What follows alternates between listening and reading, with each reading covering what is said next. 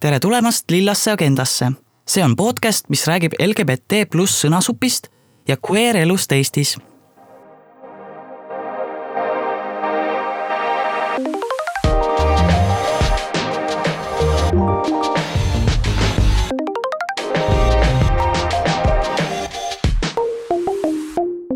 tere, Paul tere, Mel ähm,. tänases saates räägime ülakeha operatsioonist ehk siis inglise keeles tuntud ka kui top surgery äh,. lihtsalt suur-suur ähm, disclaimer, et me ei, keegi meist ei ole siin meditsiinitöötaja, me saame lihtsalt jagada enda kogemusi ja seda, mis meiega juhtunud on, et, äh, et lihtsalt äh, võtta seda arvesse, et äh, ikkagi kui endal on soovi, siis palun kohtu arstiga ja räägi nendega, mis on sulle kõige parem. Aga ennem kui me saate juurde läheme, ma tahaks kindlasti öelda ka suured-suured tänusõnad meie patroonidele. aitäh, Aet, Alari, Andra, Bell, Elina, Laura, Laura V Kass ähm,, Lill, Saara ja Teete ähm,. aitäh teie toetuse eest ja ma arvan, et nüüd me saame saate juurde minna.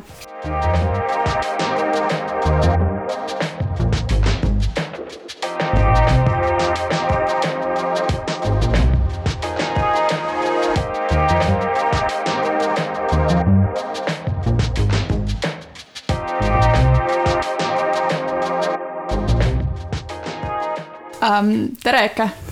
tere. tere, Markus. tere. tere ähm, teile äh, äkki saate kiiresti tutvustada, et äh, kes te olete ja mis te teete? Eke. mina olen Eke.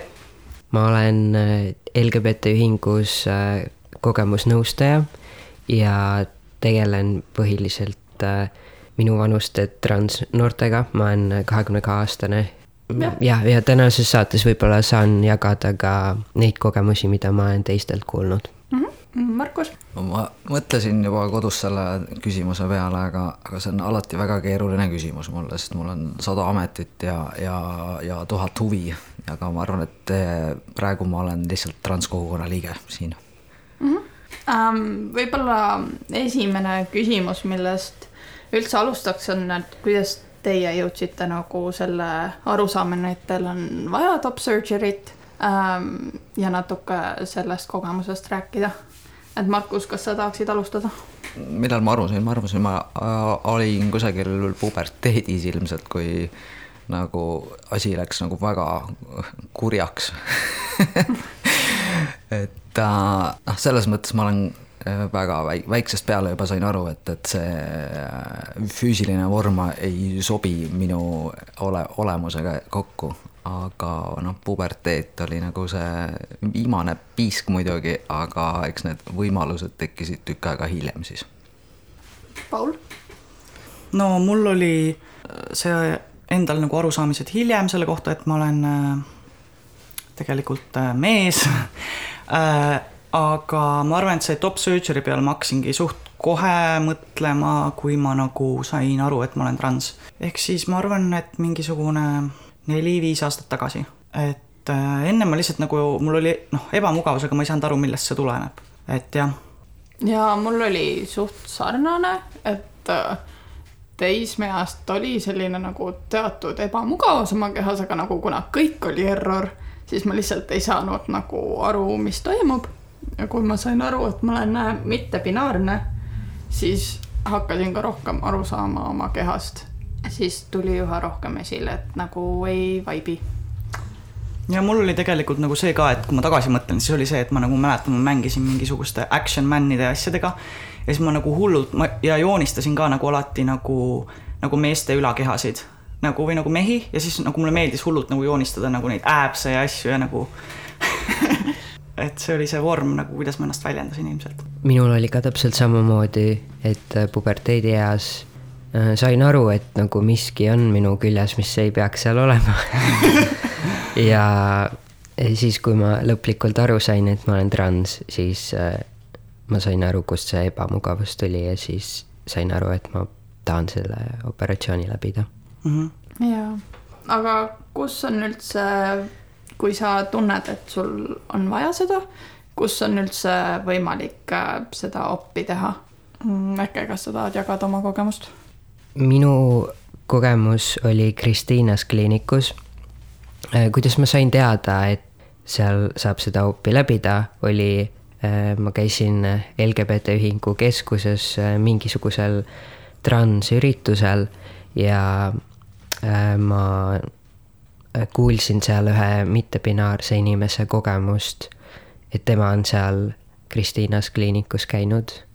seni, senimaani ma ei olnudki mõelnud, et oota, aga äkki saab Eestis ka selle operatsiooni läbida. ma olin nagu kogu aeg miskipärast arvanud, et ma pean hästi kaua ootama, ma ei tea, mul oli võib-olla isegi mingi kümme aastat mõttes, et ma pean ootama selleni.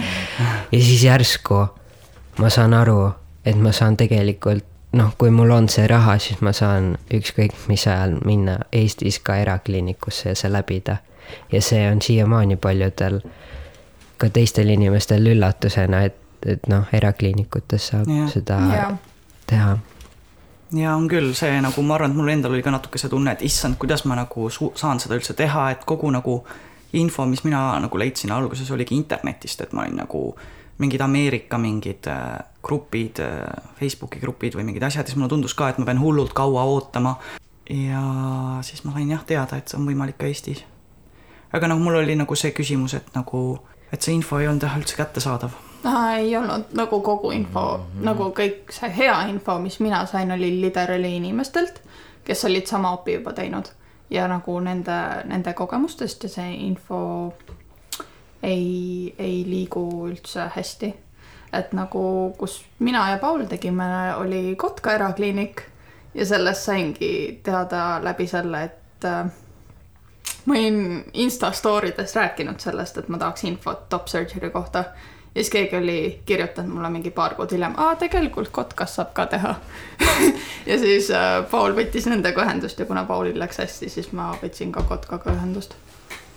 Ja no mul oli see, et tegelikult ma juba enne nagu mõtlesin teha nagu Tartu Ülikooli Kliinikumis, et ma sain nagu Markuselt ja ühelt teiselt inimeselt sain nagu infot selle kohta, et seal on võimalik, aga seal oligi see, et, et sul peab olema soomarker vahetatud. Ja nagu sellepärast ma ootasin nagu kauem, kui ma võib-olla muidu oleksin oodanud, sest ma nagu mõtlesin, et ma teen seal alguses, aga siis ma sain umbes mingi viimasel hetkel teada, et aa, tegelikult nagu, et äh, ja kui seal Tartu Ülikooli kliinikumis oli nagu noh, ootejärjekord on ju pikem, siis ma sain nagu viimasel hetkel teada, et aa, tegelikult nagu Kotkas saab ka teha. ja siis ma, aa, aga see on ju minust nagu mingi paarisaja meetri kaugusel, okei okay,, mingi kilomeetri kaugusel, et nagu, et see on nii äh, mugav. ja, ja, ja noh, mul oli see rahaline võimalus ka sellel hetkel, ma olin nagu kogunud selle jaoks? ei, mul ka täiega vedas, sest Kotka oli minust mingi viieteist minuti kaugusel.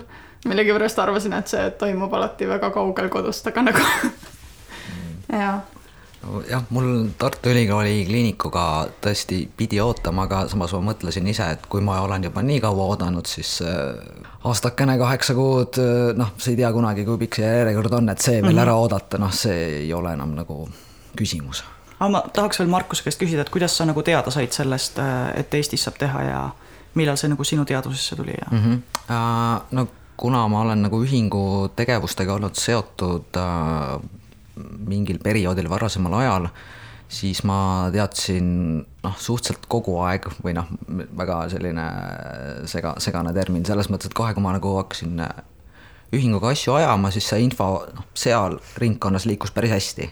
Ja et äh, Maie Väli kaudu saab nagu noh, Maie Väli oli nagu sellel hetkel nagu selline ainukene nimi, kes peale Rammuli siis ka veel nagu figureeris põhiliselt.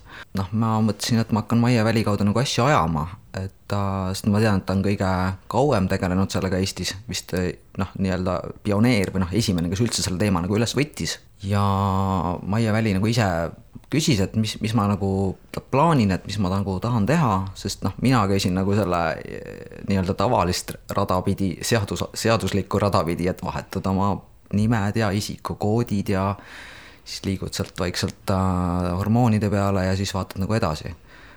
ja, ja siis ma ütlesin, et noh, loomulikult kõik, mis võimalik on ja, ja Maie siis viis mind nagu Elleriga kontakti mm.. aga siis, äh, mis on need teised kliinikud, mida sina tead meil, kus veel on tehtud uh,? ma käisin kahel konsultatsioonil, üks oli MM kliinik, kus oli actually uh, kodulehel välja toodud, et nad tegelevad ka transpatsientidega mis oli nagu põhjus, miks ma nende poole pöördusin ja siis ma teadsin nagu ühte inimest, kes oli ka teinud äh, selles äh, kliinikus oma opi. aga mulle nagu mulle isiklikult ei istunud või ei sobinud see, sest äh, see arst ütles kohe, et äh, et jaa, et noh, nibusid ei ole võimalik päästa, et lihtsalt ei ole võimalik, et noh, tätoveerid peale ja noh, hästi. ja ma nagu okei okay,, mis mõttes mm. -hmm.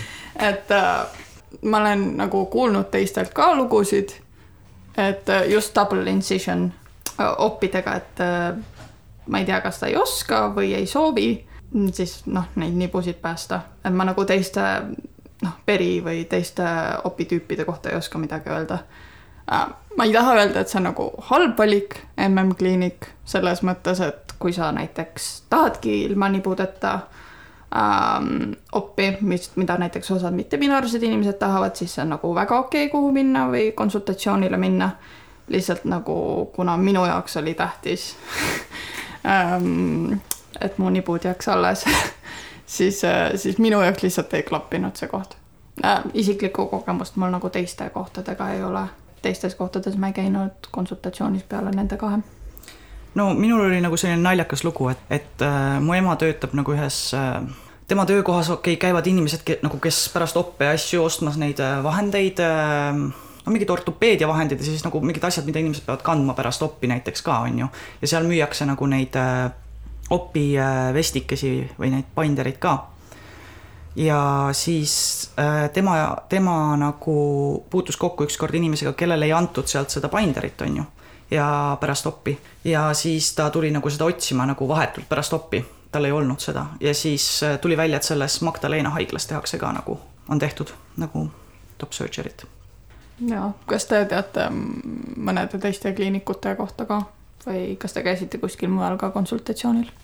mina ei käinud kuskil äh, mujal konsultatsioonis, sellepärast et äh, tol ajal ma lihtsalt, äh, mul ei olnud infot ühegi muu koha kohta peale selle, et ma olin nagu korra Maie Väli poolt kuulnud, et, Tartu Ülikoolis saab ka teha, Tartu Ülikooli kliinikumis ähm,. aga sel ajal ma olin kaheksateistaastane, ma, mul ei olnud veel äh, soomarker vahetatud ja sellega oleks läinud veel kaua aega, nii et äh, ma soovisin võimalikult kiirelt selle läbida. jaa. aga noh, meil oli selline mõte ka, et kui nagu kuulajad teavad mõnda teist kliinikut, erakliinikut või siis haigekassa äh, rahastusega mm, haiglat, siis äh,, siis äkki te kirjutate meile, et siis, kui meil on ka rohkem infot, et siis me saame seda püüda teistele jagada ja, ja kindlasti, sest see, et keegi mulle kirjutas, et Kotkas on võimalik, see nagu literally muutis mu elu see väike sõnum, et äh, kui vähegi võimalik, siis, äh, siis ootame ja.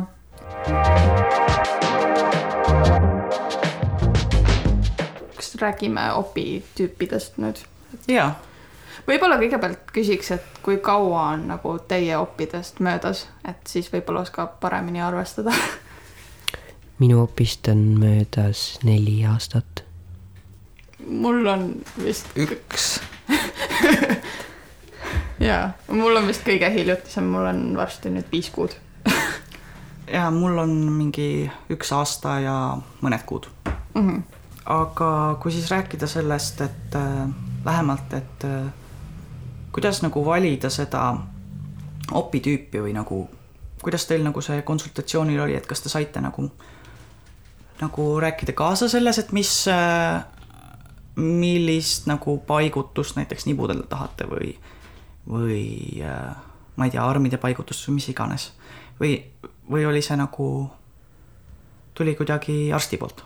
ma ütleks, et tuli arsti poolt selles mõttes, et mina ei hakanud nagu mingisugust oma loomingut siin mõtlema, et kuna tal juba kogemust ja praktikat on piisavalt, mida nagu sellise keretüübiga peale hakata, siis äh, lihtsalt usaldasin? minul, ma arvan, oli sama, ma väga täpselt ei mäleta, ma mäletan seda, et ma rääkisin oma nibu suurusest, selle kohta ma küll nagu ütlesin, mida ma sooviksin, aga muidu jah, ma lasin, ma usaldasin neid arste mm. -hmm. enamik tuli arsti poolt, aga ma mäletan, et ma ütlesin talle, et millise kujuga armi ma sooviks või eelistaksin, ma eelistaks, et see oleks pigem sirge joon, kui see oleks kurviga. et äh, või nagu ma tahtsin maskuliinset ülakeha ja siis ta arvestas sellega. ja selles mõttes äh, lõpptulemuses tuli see välja ka minu meelest mm. -hmm. ja mul oli ka see, et ma nagu, ma olen nagu hullult ülemõtleja ja ma olin nagu ma ütlesin talle jah, päris palju, ma ütlesingi ka, et armi kuju ja siis ta ütleski, et noh, et ta teeb nii palju kui võimalik niimoodi, nagu ma tahan, et selles mõttes äh, ja ma olen ka rahul sellega, et ma nagu ikkagi ütlesin, et, äh, et lihtsalt võib-olla noh, selles mõttes, et mingil määral ma sain ikkagi kaasa rääkida mm. -hmm. ja, ja noh, niibu, niibude suuruse koha pealt ka, et, et jah jaa, palju on, palju on usaldust, et sa pead usaldama seda arsti, et selles mõttes on tähtis käia ka nagu, kui on võimalik käia mit-, mitme erineva arstiga konsultatsioonil, siis on tähtis, et nagu sa tunneks, et sa usaldad seda inimest ennem kui sa lähed sinna opile. vähemalt nagu minu jaoks oli see, minu jaoks oli see tähtis. aga nagu äh, mul otseselt ei olnud nagu, ma ei saanud valida, et see oli lihtsalt double incision, ma ei tea, mis see eesti keeles on. topeltlõige topeltmastektoomia vist või? jah, ma ei, ma ei ole täpselt no, kindel. meditsiiniline termin on nagu subkutaanne maste-, mastektoomia ähm.... kas sa oskad natuke kirjeldada ka, milles see nagu, kuidas see nagu sisuliselt välja võib näha, et nagu tekiks pilt ka peas, et mis siis nagu toimub? Aa, et nagu kuidas, mis seal nagu opi käigus toimub või? jah, sest need on erinevad ju. selles mõttes, et äh, ma arvan, et siin olekski hea teha siis nagu hoiatus meie kuulajatele, et kui me räägime nagu rohkem opist, et see võib olla mõne inimese jaoks natukene nagu äh, ebameeldiv. ühesõnaga, trigger warning mm,, sisuhoiatus. jah äh, no selles mõttes, et mulle tundub, et meil kõigil vähemalt oli sama, sama see, sama opitüüp et siis tehakse nagu kaks lõiget siia. tavaliselt tehakse vist selle rinnalihase alumisse äärde äh,. ma ei tea, öelge teistmoodi. äh, ja siis äh, noh, see jookseb kuskil kaenlaauguni, osadel on lühem, osadel vist pikem erineva kujuga on ka. erineva kujuga on ka jah, et nagu mul nagu tulebki nagu selle lihase järgi, et nagu natuke siis nagu kui joob kaan-, kaenlaaugu poole, siis nagu, nagu keerab üles natuke see joon ja nagu ma tahtsin, et ta oleks ka nagu sirge, et ta ei oleks, et ta ei oleks nagu kumer, tähendab nagu ring, poolring nagu ehk ja, siis nagu, et ta ei jääks ja. nagu nii-öelda nagu rin-, rinnakujuline. jaa, see oli tähtis minu jaoks ma ei nagu, ma teen seda düsfooria pärast, mul ei ole vaja seda rohkem veel äh, aga jah, noh siis põhimõtteliselt äh, nagu lõigati ka nibud välja, nii äh, ehk siis nagu nad eraldatakse sult korraks sinu kehast ja siis äh, paigutatakse nagu uude kohta. Äh, seda tehakse siis pärast, kui see, kui need ah, noh, tehakse kaks lõiget, on, ei, tegelikult tehakse nagu minu arust isegi tehakse selline nagu silmakujuline lõige äh,. noh, see on vist vastavalt sellele, millised nagu, milline see rindkere enne on ja siis nagu tõmmatakse kokku see nahk seal peal ja õmmeldakse nagu kinni. Okei okay,, ma ei hakka väga sellest rääkima, sest ma tunnen, et ma olen nagu mingi mittespetsialist, kes räägib sellest, aga tähendab, internetis on igal pool näha seda. Äh, ja siis noh, eemaldatakse põhimõtteliselt rinnanääre ja siis nagu äh, rasvkudet ka, kõike ära ei võeta, sest muidu oleks nagu väga nagu sissepoole vajunud rind. aga jah, ja siis on nagu teised opitüübid, ma ei tea, kas te teate, minule ka nagu seda, kuna mul lihtsalt nagu äh, mu rinnad olid äh, nagu liiga suured selleks, et teha mingit teist tüüpi, on olemas ka sellised, et äh, et sul põhimõtteliselt nagu nibu ja rinnanääre jääb nagu alles. vot nääre ma ei tea, kas jääb alles, aga ühesõnaga nibu nagu ei eemaldata kordagi su kehast. ja tehakse lihtsalt kas siis nibu, tähendab mitte nibu, ma räägin areoolast tegelikult, areoola ümber nagu suurem lõige, selline nagu ka ringikujuline. ja siis tõmmatakse nagu kokku nahk nagu nibu ümber mm.. et äh, noh, need on jah erinevad, vist on üks on peri, on ju, ja mm. siis on vist veel mingisugune keyhole, mis on nagu lihtsalt nagu hästi väike lõige nibu alla, aga see nagu eeldab seda, et sul on nagu väiksed, väga väiksed rinnad enne aga ja kindlasti selleks, et teada saada, milline on nagu sinu jaoks õige, ma ütlen nagu korduvalt, et äh, on tähtis konsultatsiooni minna ja selle arstiga saada actually näost näkku kokku. et näiteks üks soovitus, mida mina saan anda, mida mul on just nagu arstidega suhtlemisel on olnud, et ma soovitan kas helistada või konsultatsioon kokku leppida, sest arstidel on väga kiired graafikud, eriti kirurgidel ja neil on, aeg on nagu väga tähtis ressurss, see tähendab, et kui sa kirjutad neile meili, siis nad vastavad sulle nii lühidalt kui vähegi võimalik. et nagu tundub, et nagu noh, ma ei tea, milline jobu, et mul on nagu väga tähtsad küsimused, miks sa ei vasta mulle, aga nagu tegelikult tal on lihtsalt nii kiire, et ta isegi ei mõtle selle peale, et nagu ma ei tea, et sul tegelikult oli vaja paragrahvi pikkust nagu vastust, aga nagu tal lihtsalt ei olnud seda aega, et nagu see on paratamatus kahjuks. jah, et noh, kirja teel tundub, et nagu arst üldse ei hooli või täielik joobu, ei, ei noh, tegelikult tal on kiire et äh, see on kahjuks äh, tegelikkus, et ähm, soovitan lihtsalt äh, kui vähegi võimalik, siis lihtsalt helistada ja konsultatsioonile minna, et see on kõige parem viis infot saada nagu enda kohta, jah mul endal küll ei ole, noh, mul oli double incision, aga ma äh, tunnen sõpra, kellel oli eh, keyhole operatsioon. Doktor Pille Kirjaneni juures Kotka haiglas ja ta on väga rahul oma tulemustega. Mm.. nii et on Seda teisi on võimalusi. et on teisi võimalusi, on ju.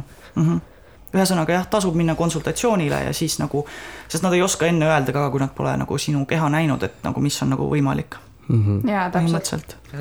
et sellepärast nad ei saagi nagu sulle väga meili teel ka vastata, et nagu et nad ei tea enne, vaata. et see kõik oleneb nagu, lihtsalt kahjuks on nii, et see oleneb nagu sellest, et äh, milline keha sul on ja nagu lõpptulemus võib ikkagi olla väga hea. Kuidas teil oli, et kas te vajasite psühhiaatri diagnoosi ennem kui TOP-ile läksite või see ei olnud tähtis? ausalt öeldes ma ei, ma ei tea tegelikult seda, sellepärast et kui ma juba läksin sinna konsultatsiooni, siis mul oli noh, see transdiagnoos nii-öelda olemas juba, et äkki neile sellest piisas, nad ei maininud seda küll. ma arvan kordagi. küll, et see ongi, sest see, see on ka tegelikult ju diagnoos, on ju, et see on ka ju psühhiaatri diagnoos põhimõtteliselt. et mm -hmm. see on ju, see oli Rammuli diagnoos, on ju? ei, see oli Maiaväli. aa, see oli Maiaväli diagnoos, okei okay.. aga no sellest äh, nagu nad ei küsinud küll kordagi, et kas mul on mingi psühhiaatri mm. -hmm. ja ei, mult ka ei küsitud seda, aga ma arvan, et see ongi see ilmselt sellepärast, et, et sul on juba mingi diagnoos olemas, mis näitab, et sa oled nagu, et sa saad nagu seda, et see vist on pigem nagu, kui sa oled, kui sul ei ole nagu seda veel äh, kuskil nagu kajastatud, sest nagu arstid lähtuvad nendest, äh, sellest digiloost hästi palju mm. -hmm. Mm. ega mul ka muud varianti ei olnud siis, kui ma MM-kliinikusse, sest ma kõigepealt käisin MM-kliinikus konsultatsioonil, siis äh, seal arst küll nõudis äh, psühhiaatri diagnoosi, mille järel ma siis läksin psühhiaatri juurde ja sain oma F kuuskümmend neli transseksualismi diagnoosi kirja äh, jah, anyway, aga siis, kui ma Kotkas käisin, siis ta otseselt ei küsinud aga kuna mul oli see diagnoos olemas, siis ma nagu kuidagi ise tõin vist selle teemaks, et mul on see olemas, et kui on vaja. et äh, jah, üks sõber käis ka konsultatsioonil ja talt ei nõutud seda, nii et nagu ma arvan, et see on väga, peab ise minema ja teada saama see on nõme öelda, see on nõme öelda niimoodi, et äh, mine ja vaata, aga nagu kahjuks, kuna noh ta on ja. nii indiviidipõhine, kuidas see protsess läheb kahjuks, so ei saa öelda nagu kindlat infot. aga jah, ma arvan, et pahaks ei tule, kui see on olemas. aga kas, ma loodan, et see on okei okay küsida, et, et teie puhul siis oli nagu äh, võimalik teha seda nibu areoola kompleksi, see on selline tore sõna, mida kasutatakse äh, meditsiinis. see on lühendatult nakk, et seda oli võimalik nagu samal ajal teha, äh, ehk siis nibu või selle areoola nagu suurust vähendada, kui teil tehti see double incision? jaa, mulle kohe öeldi, et nüüd äh, seda saab teha ja et nad noh, enne operatsiooni mulle ka joonistati ette minu kehale umbes see suurus. ja siis ma sain öelda, et see, ma olen rahul selle suurusega -hmm.. okei. See on hea nagu teada, sest näiteks minul nagu seda ei joonistatud ette nagu nibusid, mul joonistati nagu see nagu placement, kuhu nad tulevad, aga seda suurust nagu ei joonistatud. ja mul ka vist mitte mm. -hmm, sama. et tegelikult see oleks tore, kui see oleks nagu igal pool niimoodi. aga äkki ma mäletan valesti siis? ei, aga sa tegid ju Kristinases, vaata, meie oleme teinud kõike Elleri juures põhimõtteliselt. aga, aga noh, ma ütlesin küll nagu, et mis suurust ma tahaks enam-vähem. Ja, aga ähm, ta ütles, et ta üritab teha selle nagu nii hea kui võimalik ja nii väikse kui võimalik. et seda ta küll ütles, äh, mis nagu rahustas mind. jah. jah. noh, see on küll tegelikult, et nagu minu teada alaealised ei saa teha seda ülakehaoperatsiooni. jah, ma küsisin seda ka Kristiinas kliinikust otse üle ja nad ütlesid, et et ala, alaealised ei saa, isegi kui on, ma ei tea, mingi vanema või arsti nõusolek mm. -hmm. aga räägime siis natuke rahast kui palju nagu see op äh, maksma läks teil, muidugi praegu on raske öelda, sest nagu hinnad on nii palju muutunud, eriti ma mõtlen nagu EKL, sellepärast et et äh, inflatsioon ja asjad ja nagu tundub, et hiljuti on nagu hindu tõstetud seoses selle koroona ja sõjaga. noh, kui rääkida laiemalt, siis ju Eestis nagu on väga sketši see, et kuidas seda üldse, kas Haigekassa seda katab, mis on teie arvamused? ma olen kuulnud selle kohta nii palju mingeid selliseid kuulujutte, kus ma ei saa olla kindel, kas see on nii, nii et ma ei, ma pigem ei, ei oska rääkida sellest teemast mul on suht sama nagu. jaa ütlen, noh, mina saan ainult omast kogemusest rääkida, et äh, Haigekassa jah, viiskümmend protsenti pani sinna omalt poolt, aga noh, ma ütlen, ma käin, käisin ka seda nii-öelda ametlikku seadusandlikku rada, et okay. ma, ma ei hakanud mõtlema mitte seda, mida, mida ma tahan, vaid ma mõtlesin seda, mida, mis, mida on võimalik teha. et mis, mis äh, variandid on nagu seaduse silmis, sellepärast et erandeid tehakse väga harva ja, ja noh, samamoodi haigekassa jaoks äh, noh, loeb ju see, kui mina, minul on vahetatud nende mõistes arusaadavad numbrid ja tähed, siis nad saavad öelda, okei okay,, see diagnoos, me saame võtta su jutule künekomastjaga mm. -hmm. aga see point ongi selles, et tegelikult ju künekomastjat ka ei kata mm. kõikide inimeste puhul, äh, ka siis meeste puhul ja siis ongi see, et pluss kui mina nagu kirjutasin Tartu Ülikooli Kliinikumi arstidele, siis nemad mulle nagu ütlesid mul on meilis olemas, nad ütlesid mulle, et, et haigekassa ei kata seda.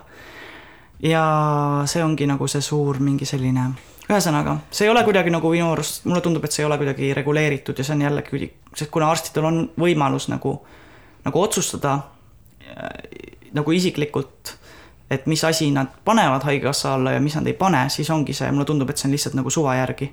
et nagu, kui sa tead õiget arsti või kui sa nagu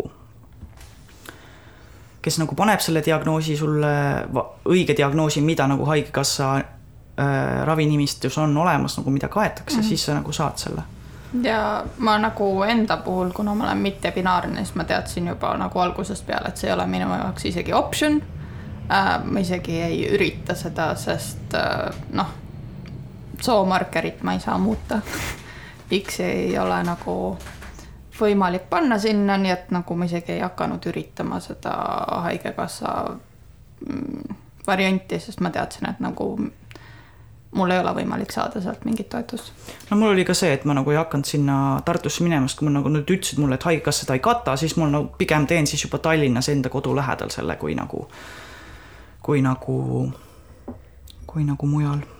jaa aga ühesõnaga, see on segane, see on segane lugu, aga no, loodame, et tulevikus nagu see läheb nagu selgemaks, et äh, ja et see läheb nagu Haigekassa, nagu ametlikult Haigekassa nagu äh, nimekirja, sest tegelikult ju ei ole olemas ka, mis nagu mind häirib, et see, et tihti nagu ei ole nagu nendel lehekülgedel kirjas nagu ülakehaop või nagu top surgery, mis on nagu transinimestele mõeldud nagu op, et seal on nagu tegelikult kui nagu võrrelda nagu rinnavähi äh, puhul tehakse ka ju, aga seal ei ole see nagu see välimus nii oluline, vaid oluline, et kõik kude, mis on nagu on ju, saaks ära eemaldatud mm, -hmm. kus on nagu äh, mingi kasvaja värk on ju. aga nagu top surgery puhul on see esteetiline pool ka oluline.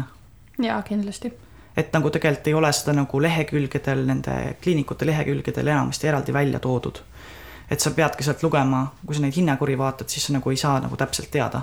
ei pruugi täpselt teada saada, mis see hind on, et noh, siis ongi see, et mine konsultatsioonile, siis nad ütlevad sulle. jah no samas ega ma ei teagi, et mina maksin ju ka umbes kaks tuhat seda, et ka, kui palju ja kas Haigekassa sinna tegelikult juurde maksis, sest ma ju ei tea, sest ma ei ole näinud ju mitte mingisuguseid äh, tõendeid selle kohta, et kuidas need rahad liiguvad seal vahel ah,. Okay, selles okay. mõttes ma ei tea. mul lihtsalt on selline mulje jäänud, et jah, I got lucky ja nemad nagu aitasid mind kaasa, aga ma ei tea. ja see on nagu nõme vastus et see hind sõltub nagu täiesti indiviidist, aga kahjuks, kuna praegu on infot nii vähe, siis, siis see tavaliselt ongi niimoodi, et äh, konsultatsiooni põhjal tuleb see hind mm,. aga suurusjärk, mis see umbes võib olla, on nagu kaks tuhat viissada kuni viis tuhat umbes. Jah Äh, millega võib arvestada, et noh, nüüd, nüüd, kui ma olen kuulnud tuttavatelt, kes või sõpradelt, kes on käinud uuesti Kotkas, siis neil on hakatud neli tuhat kaheksasada ütlema, mis on nagu jah. nojah, praegu on see hinnatõus ilmselgelt lihtsalt olnud päris suur igas valdkonnas nagu söögist alustada. aga kui rääkida lähemalt sellest, et et äh, kuidas teie nagu üldse vaim-, nagu valmistusite selleks äh, opiks. Kas te valmistusite, mida te tegite? Vaimselt, füüsiliselt, ma ei tea.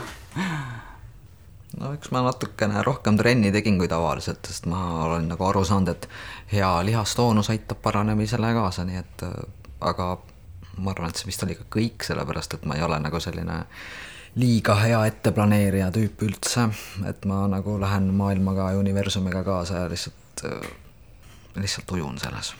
Hmm kas sa tegid midagi ikka?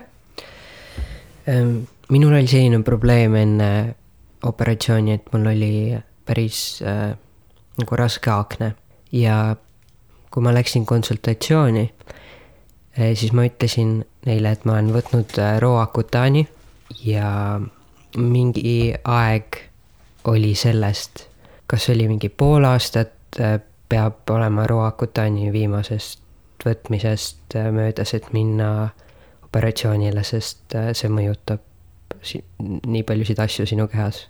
päris nagu äh, intensiivne ravim.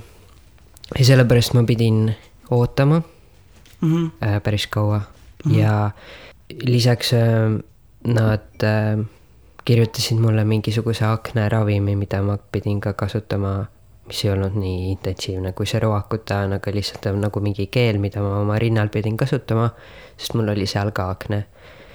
ja ähm, et kui see oleks olnud äh, väga põletikuline, siis ma ei oleks saanud minna sinna operatsioonile. et see akne ravimine oli põhiline asi, millega ma tegelesin mm. -hmm. ja lisaks äh, ma võtsin antidepressanti, Elantril oli selle nimi ja selle võtmise ma pidin ka lõpetama mingi aeg enne operatsiooni, sest see vist vedeldas verd või midagi sellist. kas sulle nagu anti mingisuguseid äh, juhendeid ka selle kohta, kuidas äh, antidepressanti vähendada või lihtsalt öeldi, et ah oh,, jäta see ravim ära?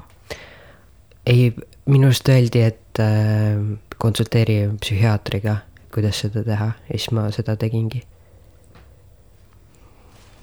ja kui ma käisin Kristinises konsultatsioonil, siis nad ütlesid mulle ka, et ma peaks nagu mingi kaks või kolm nädalat enne, et siis ma hakkan nagu vähendama seda mm. -hmm. võib-olla see oli isegi varem, et ka võib-olla oli jah, täpselt ei mäleta jah, aga siis, kui ma Kotkasse läinud, noh, seal, seal nagu noh, see olenebki kirurgist ja sellest et mis nad nagu täpselt enne soovitavad või nõuavad, et selles mõttes, tasub ikkagi igas, noh, see koht, kuhu sa lähed, selle juhiseid nagu järgida, et Kotkas nagu Kotkas mul nagu seda ei, ma ei pidanud nagu ravimeid ära jätma. no minul oli lihtsalt see, et ma nagu valmistusin niimoodi, et ma jätsin suitsetamise maha uh,. tubli uh, sest nagu see oli üks asi, mis oli nagu kindel mis mulle nagu öeldi ka nagu mõlemas kohas, et et ja ja ma tegin ka trenni, ma tahtsin nagu natukene natukene oma seda nagu rinnalihast nagu suurendada, ma ei tea, kas see nagu õnnestus ka. Võib-olla see oli rohkem nagu äh, psühholoogiline. Aga, aga jah, Mel?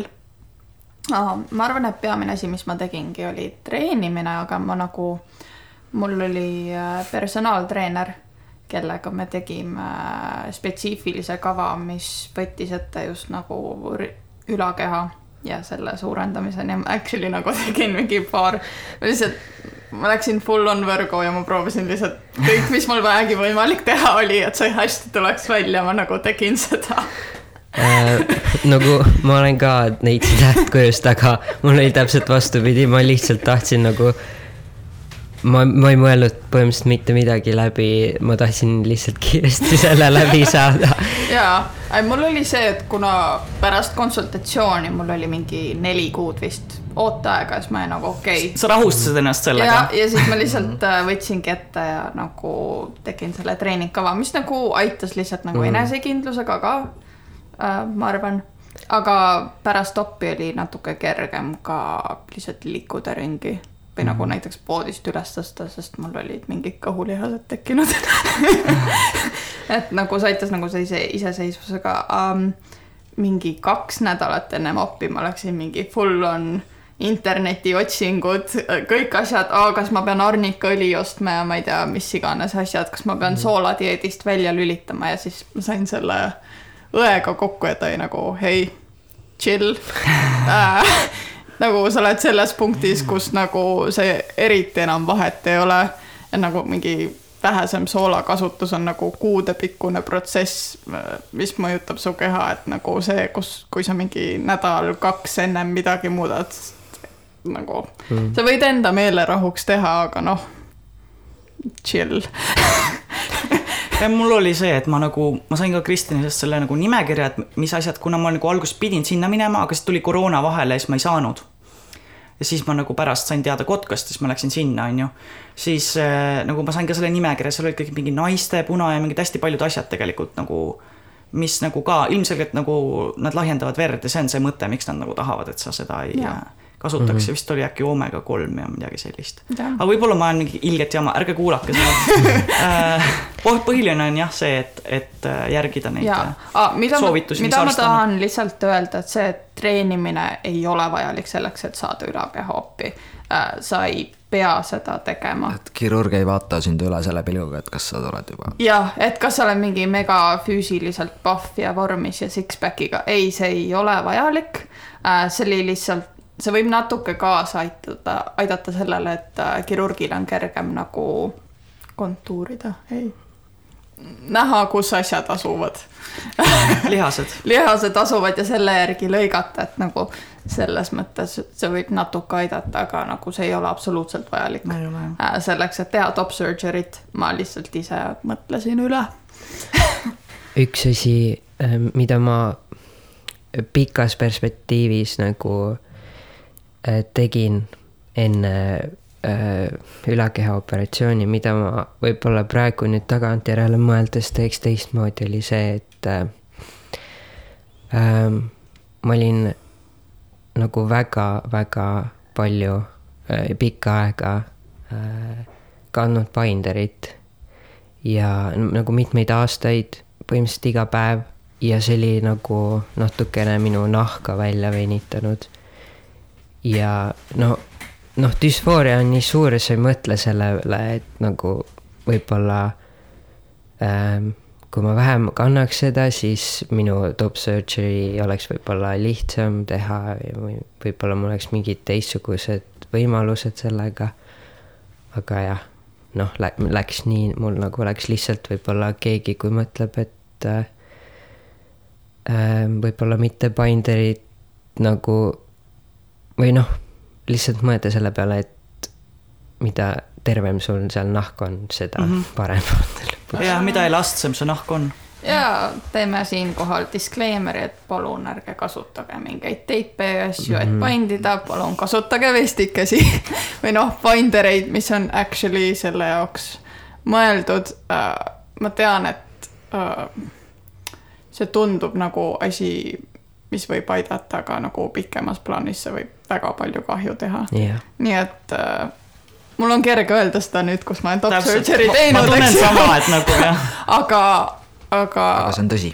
aga, aga tähtis on teha, kui sa pandid, siis on tähtis teha seda turvaliselt jah, ähm, ja binderitega. ja teha pause selles mõttes, et äh, noh, minu, mina tunnen, et see paindimise mõju on nagu nahale ei olnud mul nagu nii suur, kuna ma tegin seda, ma arvan, et mingi kaks aastat või midagi sellist. Mm, sama. see tundus igavik, aga nagu oh, aga, aga ma tegin nagu ikkagi pause, sest nagu siiamaani ma tunnen, et see mõjutab mu nagu hingamist, seda, et mu nagu hingamine ei ole nii nagu sügav. et äh, ma endiselt nagu üritan seda välja, kuidagi nagu seda hingamist äh, samasuguseks teha, nagu ta enne oli.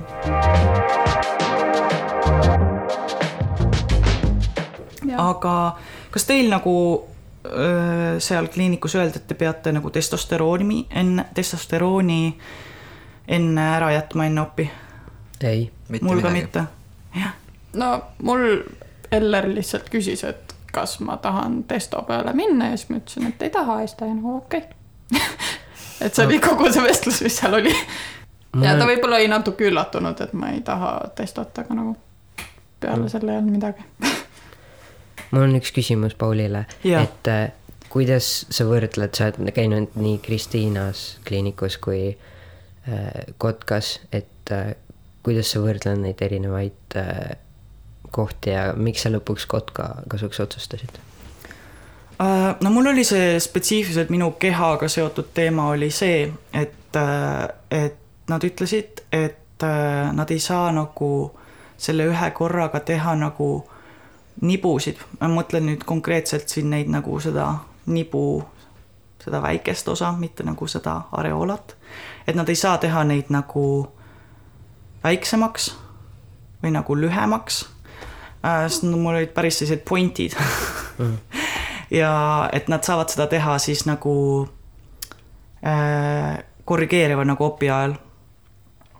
et äh, ma ei tea, nad vist kartsid, et nad nagu, ma ei tea, ma ei tea, mida, miks nad nagu ei saanud seda teha. ma ei tea, kas nad kartsid, et need nagu ei säili või nagu ma ei tea, ei parane ära ilusti, ma, ma ei tea. ja teine asi oli see, et et nagu kui ma esin seal konsultatsiooni, siis mul see konsultatsiooni tegija oli minu jaoks veits selline äh,. ma ei tea, kuidas ilusti öelda. noh, ma ei saanud konsult-, põhiline oli see, et ma ei saanud nagu käia kirurgiga konsultatsioonil, ehk seal oli nagu, seal tegi seda konsultatsiooni äh, mm, mittemeditsiinilise taustaga inimene ja siis äh, võib-olla see nagu mind muidu nagu mulle meeldis, muidu mu nagu nad üt-, noh, ma olin näinud mingeid tulemusi enne, teiste inimeste tulemusi. ja need olid väga head ja sellepärast ma nagu läksin sinna kõigepealt, aga seal oligi jah, see küsimus, et. Et äh, üks point oligi see, et nad jah, ei saanud seda nibu teha korraga nagu lühemaks ja siis teine asi oli see, et see, kes mulle konsultatsiooni tegi, oli nagu äh,. rääkis veidi nagu sellist asja umbes, et, et miks on alati need äh, umbes, et need naised jutumärkides, kellel on nagu kõige ilusamad rinnad, tahavad neid ära lõigata. ja nagu see oli nagu, see oli veits nagu traumaatiline minu jaoks ja ma saan aru, ma kujutan ette, need kirurgid ongi seal väga head, aga nagu lihtsalt see esi, esimene kokkupuude oli minu jaoks nagu mittemeeldiv mm. -hmm. ja nagu vahel ma mõtlen, et võib-olla ma oleks pidanud ikkagi ennast push ima sinna minema, sest nagu mul on ikkagi see, et ma tahaks nagu üks nibu jäi nagu suurem kui teine ja ma tahaks seda nagu veidi väiksemaks teha aga samas on see, et ma nagu muidu olen väga rahul selle tulemusega, mis ma nagu Kotkas sain mm. -hmm. ja et lihtsalt see oligi pigem see, et nagu Kotkas oli nagu, mul ei olnud sellist nagu äh, ebameeldivat kogemust ja, selle ja. konsultatsiooni ajal mm -hmm.. pluss nagu minu jaoks oli oluline, et ma saaks rääkida selle kirurgiga ka. et, et ma saaks nagu, sest Kristjanis öeldi, et ma saan nagu temaga rääkida sellel opipäeval mm. -hmm. ja mul oli lihtsalt ärevusega nii hull, et ma nagu otsustasin, okei okay,, et ma just selle opi ärevuse oli, et, et, et, et, et ma lähen ikkagi selle kotka peale, kui ma tükk aega mõtlesin nagu, et kuidas, mida ma teen, kas ma suudan uuesti minna selle naisega rääkima. ja, nüüd mul tuli meelde üks soovitus nagu, mida mina tegin.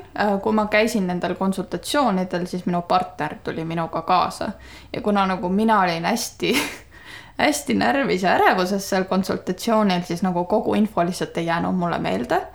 Ja võib-olla nagu kõik küsimused, mida ma tahtsin küsida, kohe ei tulnud pähe, aga nagu tema oli seal ja siis ta nagu jättis asjad meelde, mis öeldi ja küsis ise ka asju, mida ma ise unustasin, et nagu see oli täiega hea, et keegi tuli, inimene, keda ma usaldasin, tuli minuga nagu konsultatsiooni kaasa. pärast ma sain teada, et Ellerile vist väga nagu ei meeldi, ta nagu äh, ega me siin pereteraapiat ei tee midagi sellist ütles.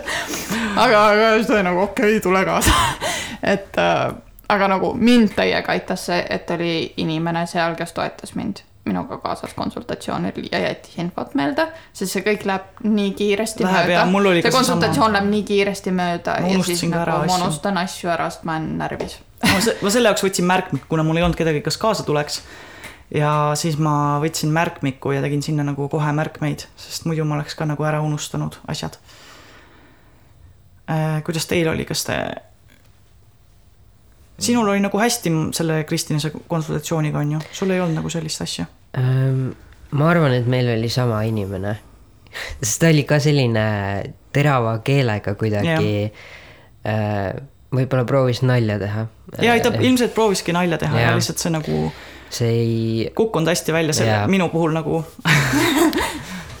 aga ma ei tea, ma, ma olin kuidagi äh, harjunud seda yeah. ignoreerima, selliseid asju juba ja, ja, jaa. ja nagu ma ei tea, ma ei tahtnud ka käia kogu nagu erinevates kohtades, noh ja ma ei teadnud ka, kuhu täpselt, teistesse kui sul oli nagu ainuke variant on ju, siis oligi Jaa. see, et ei no mul oli ka see, et ma nagu olin harjunud sellega, aga nagu ma ei tea, ma kuidagi tollel hetkel olin nagu see kuidagi pff, mõjutas mind. jaa, see on täiesti arusaadav. jaa no ma sain Tartust mingi paberi küll nagu konsultatsioonist kaasa, kus nagu oli kirjas siis soovitatavad asjad enne, aa, oli jah? jah. mulle, mulle kirjutati soovituseks sokid ja banaanid minu ja, soov. ja mul oli ka, mul oli ka vist Aga- jah midagi aga- süüa. aga see on hea üleminek, et äh, soovitused, mida varuda ennem appi.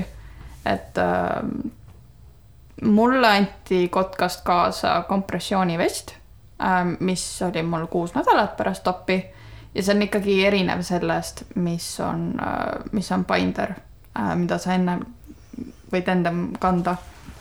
et sellel on lukk ja see ei ole nagu nii tugeva kompressiooniga, kui on, kui on binder.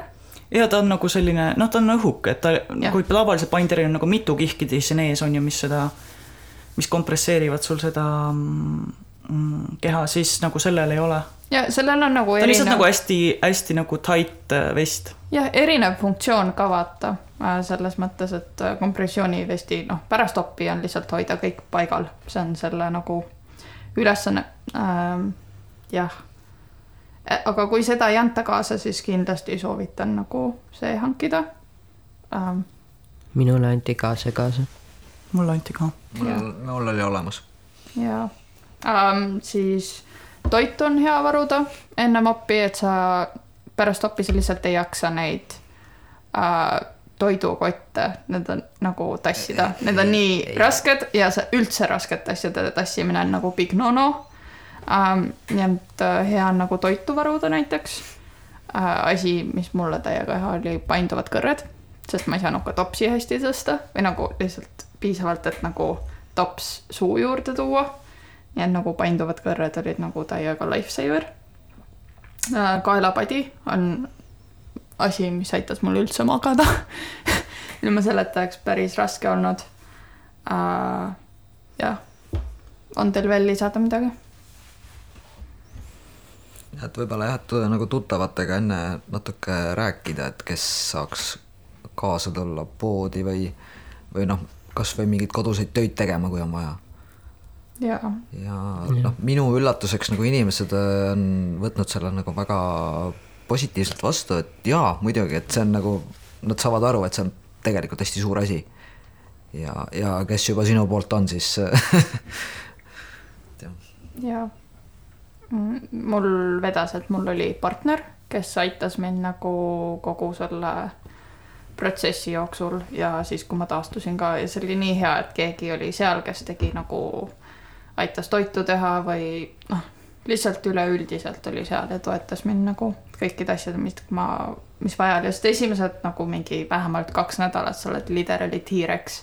sa ei saa käsi tõsta õlgadest Jah. nagu kõrgemale, et noh, see on väga selline, kes ütleb vulnerable koht, kus mm -hmm. olla.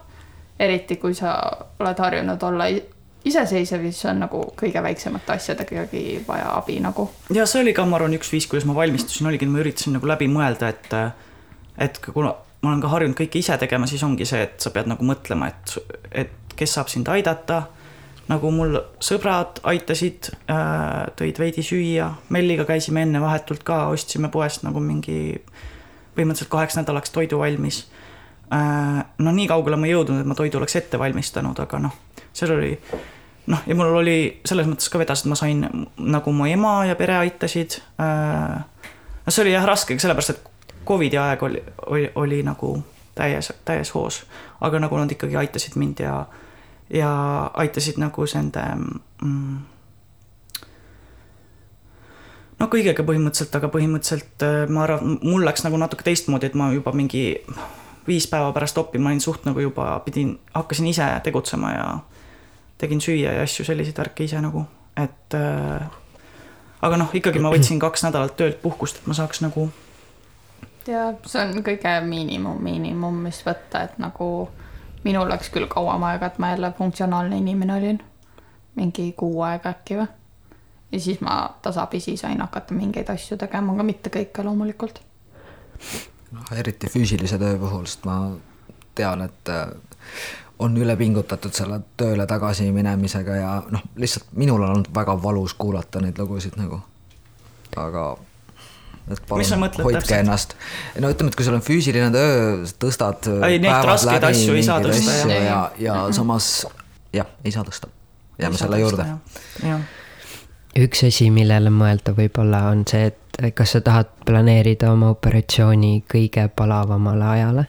sest minul nii juhtus keset äh, suve ja siis äh, sa pead nagu seda kompers-, kompressioonivesti ka kandma selle kohutava palavusega. see oli minu jaoks ja, ja see ka, et äh, kas sa tahad äh, planeerida seda sellele ajale, kui pärast nagu vahetult pärast sinu operatsiooni on arstidel puhkus ja kui midagi ähm, midagi valesti läheb ja sul on nagu väga vaja minna tagasi mingi, mingi, ma ei tea, millegipärast siis äh, siis on hea, kui sul on see võimalus olemas. ja, et sa ei pea EMO-sse pärast minema ja seletama. jaa. Ja see on hea point, sellepärast nagu ma ka mõtlesin selle. ma ei tea, kas mul arst soovitas või ma ise vist tulin selle peale, et nagu ka ma ei, ma nagu suvel on selles mõttes hea teha, et tihti on nagu puhkused ja asjad, aga samas oligi see, et ma teadsin, et ma nagu, et suvel on nii palav ja nagu noh ja siis mul nagu õnnestus teha ikkagi see nagu talvel, see op ära, et äh, et jah, seda tasub tõesti mõelda. oo oh ja mul täiega vedas, et ma selle jaanuarisse sain ja siis väljas olid nii rõvedad ilmad anyway, et ma ei tahtnudki väljas olla, nii et et selles mõttes täiega, täiega vedas selle ajastusega. ja võib-olla mingi väike nõuanne ka, mis nagu mul oli äh, ennem oppi äh, raseerida kaenlaalused sest see oli asi, millele mina absoluutselt ei mõtelnud. Äh, ja siis op oli ära olnud ja siis pannakse kõikjale need plaastrid. Äh, ja need sidemed lähevad ka kaenla alt ja nii rõve on neid ära võtta. ei soovita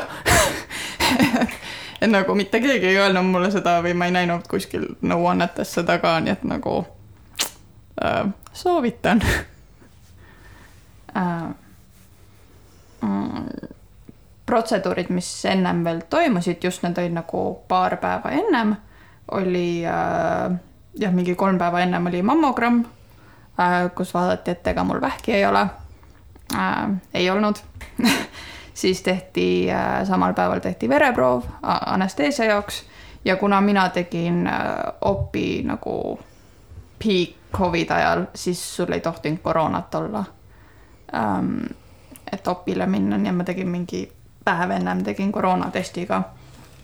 Ei tea, tõesti, sul ei tohi olla Covidit sa, sa lähed Covidiga, Covidiga õpile, siis lõigatakse ei, aga nad olid väga-väga nagu ranged selle suhtes. ei muidugi, see peab olema. et nagu hoida seda ja keegi ei tohtinud minuga kaasa tulla nagu äh, pärast ka, kui ma nagu taastusin seal haiglas, et nad hoidsid väga rangelt seda, et äh, ainult inimesed, kes on testitud äh,, saavad käia. minule saadeti meil, et ma pean ka minema sinna mammograafile äh, pärast minu viimast konsultatsiooni, aga siis ma, aga nagu seal konsultatsioonis ei olnud mulle mitte midagi sellest räägitud. siis ma kirjutasin vastu, et, et ka, et mulle ei räägitud sellest midagi, et kas ma ikka pean minema.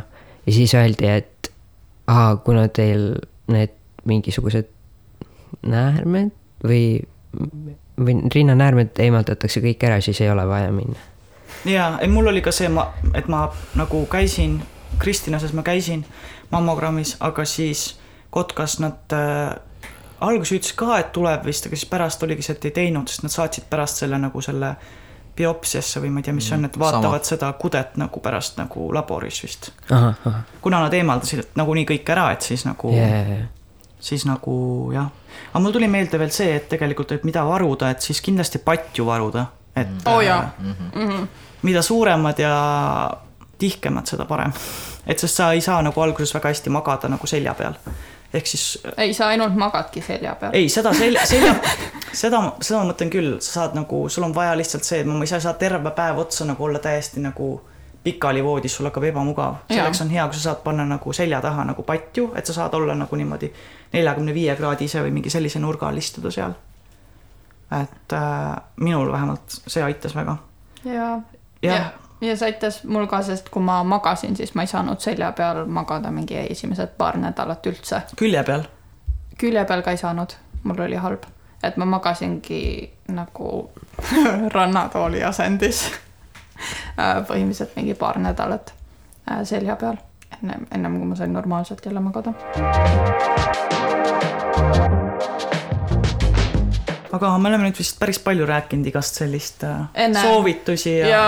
Ja enne õppija, aga mm, kuidas teil nagu see op läks, kas te mäletate veel, kas oli nagu, kas oli nagu teie jaoks valus, kas äh, nagu ma mõtlen pärast, kui te üles ärkasite? no opi ajal üles ei ärganud, see oli juba võit Äh, pärast äh, otseselt ei olnud selline jah, tuim valu ja siis noh, teatud liigutustega käis nagu eriti nõme terav valu läbi. et aga noh, seda siis nagu tegin siukse märkme omale pähe, et ära seda liigutust rohkem tee ja siis mingi hetk sai jälle edasi elada. mina valmistusin ennast äh, hirmsaks valuks ette.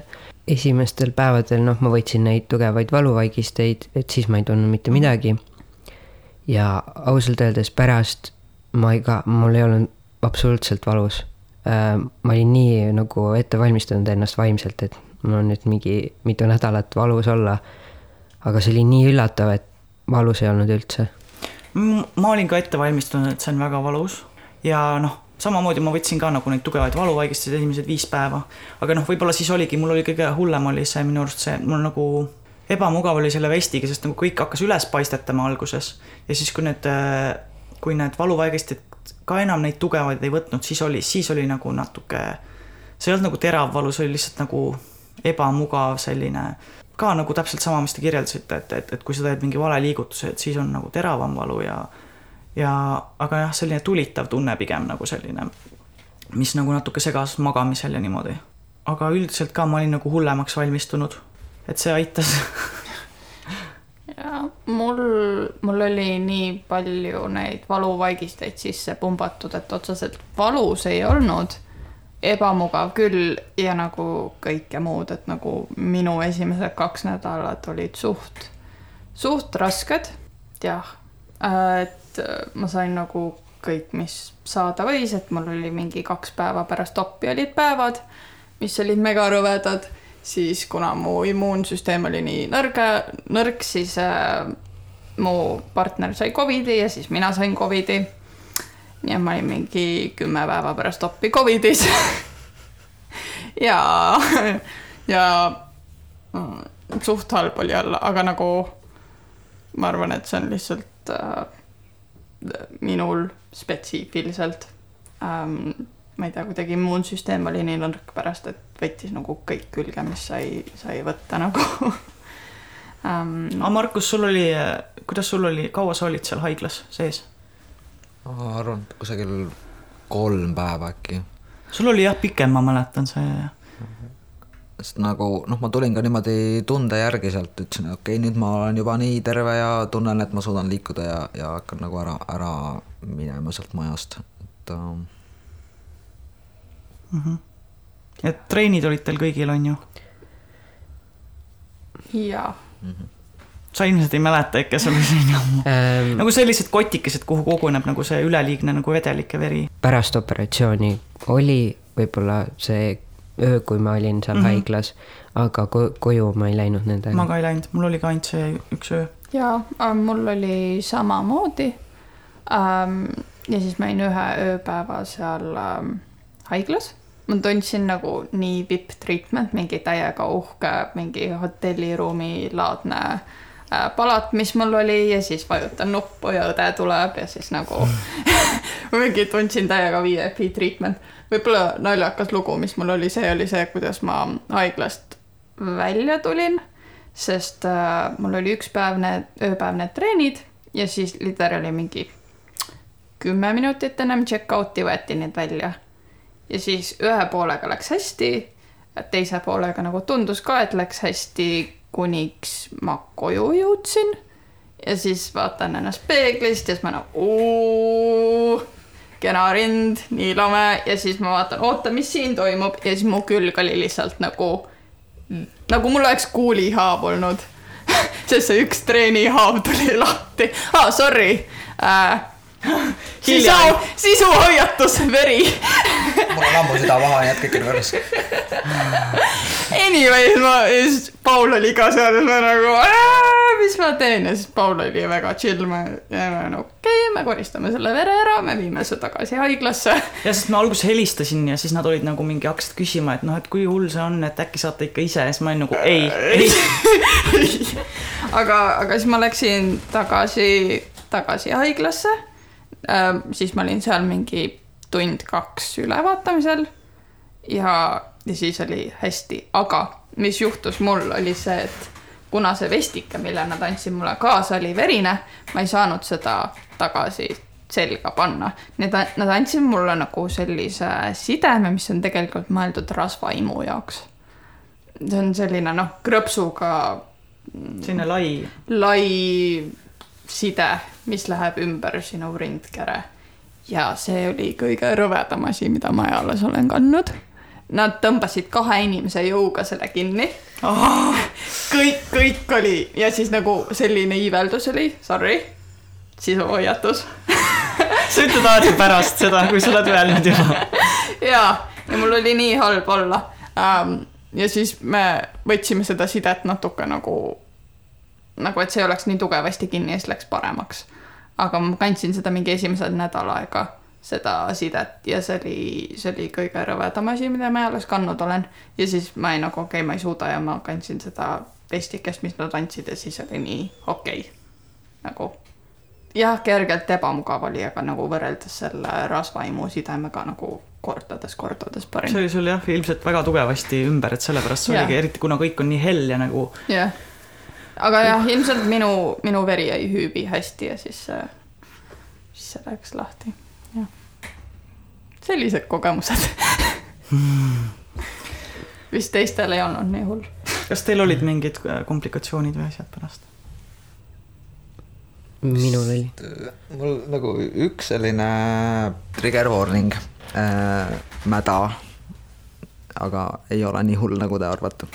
et mul tekkis peale oppi nagu mingisugune punnikene sinna haava peale täpselt, aga ma ei saa vanduda sada protsenti, et seal ka varem juba mingisugune punn ei olnud, sest ma nagu ju täpselt ei uurinud järgi, mis seal nagu on, sest ma ei tahtnud vaadata, mis seal täpselt on, aga minu meelest see tekkis peale oppi, ma arvan aga ma mõtlesin, et kuna see on punn, et siis võib selle ju välja pigistada. ja siis ma natukene nagu survestasin seda punni siit ja sealt, aga mulle tundus, et see ei ole nii lihtne sellest lahti saada ja siis ma pigem vaatasin, et ta läheb nagu koledamaks. siis ma ikkagi nagu peatasin ennast, ütlesin, las ta olla seal praegu on nagu enam-vähem korras selle kohaga. sul oli ka EKM jaa saa, see on nagu nii õudne. Äh, sisuhoiatus, ma räägin verest. Noh, mingi võib-olla nädal aega pärast oppi mõtlesin, et on hea mõte minna perega nagu Saaremaale äh, puhkama. pärast Saaremaale jõudmist ma vaatasin seda lehte, mis mul oli kliinikust kaasa antud, et mida, mida ei tohi teha pärast oppi ja niimoodi. ja siis ma vaatasin, et mingi vähemalt kaks nädalat pärast oppi ei tohi minna võõrasse kohta duši alla selline asi oli välja toodud või? jaa, seepärast, et sa ei tea, kas see on puhas või võib-olla mingid bakterid võivad aa, teistsugused bakterid, kui sa oled, kui sa oled harjunud jah, ilmselt. nojah, aga sellest ei juhtunud lõpuks aa, midagi. sellest ei juhtunud midagi, okei okay,, ma mõtlesin, et midagi juhtus ei, aga see asi, see komplikatsioon oli see, et äh, üks minu nibu ei tahtnud ära paraneda. Kui üks nibu oli juba nagu ei veritsenud enam ja see oli, sellega oli ok, siis teise poolega mul oli lihtsalt nii, et äh, see nagu ei, ei tahtnud terveneda. ma olin natuke paanikas, et ma olen siin mingi võõras kohas Tallinnast nii kaugel, et ma siis küsisin või noh, saatsin meili sinna kliinikusse ja noh, nad rahustasid mu maha, et niimoodi võibki olla, et ma pean lihtsalt ootama natukene. siis nad andsid mingeid nõuandeid ka ja, aga lõpuks oligi nii, et noh, selle nibuga see on nagu, see ei näe nii ilus välja nagu mul see teine nibu, et see on natuke sihuke ebatäiuslik. aga noh, armas ikka. muidugi, jaa, muidugi armas. ja see ongi, et nagu ei saagi kunagi nagu perfektset tulemust Jaa. nagu loota. Jaa. et enne tundub, et nagu, et ma pean kõik õigesti tegema ja nagu, aga loodus ongi asümmeetriline tegelikult. jah, jaa. ja ähm, nibudest rääkides, minu nibud pärast oppi olid äh, ma ei tea, kas siia peab sisuhoiatus andma, sisuhoiatus, nibud, I don't know um,. Need olid peperoonid uh, põhimõtteliselt lihtsalt süsimustad, aga see on nagu loomulik um,. et see tekkis ja siis mu nibud lihtsalt paari nädala jooksul lihtsalt koorusid välja ja nüüd nad on väga ilusad. aga see oli lihtsalt alguses natuke jahmatav näha ma selle jaoks vaatasin enne pilte, et ma vaatasin nagu, et millised nad nagu välja näevad pärast oppi erinevates staadiumites, need ma juba teadsin ette, et nad tulevad sellised kahtlased alguses äh,. sest neil ei ole nagu korraks seda verevarustust ja siis nad peavad seda uuesti üles ehitama ja siis nagu või noh, peavad, keha peab uuesti nagu omaks võtma need nibud, aga nagu see tavaliselt alati võtab, see on väga väike protsent, kui need nagu nendega midagi, nad tähendab, nad ei kuku niisama sul küljest ära. ja mul oli see post-op äh, visiit mingi kolm nädalat hiljem ja siis Eller vaatas peale ja ütles, et noh, praeguseks punktiks, kui midagi juhtunud ei ole, siis sa oled okei okay, nagu. siis me nagu see rahustas maha. aga ja ma vaatasin jah, see Markus, sul oli mingisugused need lood, et ei tohi jah liikuda, et tõesti, kui sul on füüsiline töö, et siis võta nagu mingi kuu aega vabaks vähem kindlasti nagu, kui mitte isegi rohkem. mis sellest järelkonsultatsioonist oli sul mingit kasu ka või? ta võttis vist, no ma otseselt ei näinud, mis toimub, aga ta võttis mingisugused niidid välja ja mul on tunne, et need olid nibu omad. sest pärast seda see hakkas nagu kooruma rohkem. nibude koorumine on nii veider fraas, mida öelda, aga nagu aga, aga jah, ta vist võttis äh, välja jah, need niidid, mis seal olid ja siis lihtsalt vaatas, et kõik oleks okei okay. Ja hästi paraneks okei okay,, peale seda rohkem pole midagi. nüüd mul varsti tuleb kuu aja pärast ähm,, kuus kuud pärast oppi tuleb äh, järelvisiit ähm,. jah, et ka vaadata, et kõik on hästi läinud ja, ja kuidas see läks ja nii. et see tuleb mul varsti, et ma olen viis kuud. ma ajasin segamini jah, et selle nagu, et see niitide väljavõtmine loomulikult. see toimub muidugi ja, ja, ja, ja. noh, enamus nendest nagu sulavad ära, aga Jah. nagu, aga mõned võivad jääda nagu sisse ja siis nad need võtavad ära. see oli, ma arvan, et nagu kõige teravam valu, mida ma üldse tundsin kogu selle protsessi juures. kui need kaenla alt tõmmati, olid mingi paarsada õmblust oli nagu jäänud sisse, see oli nagu selline, vot see oli ebame-, ebameeldiv.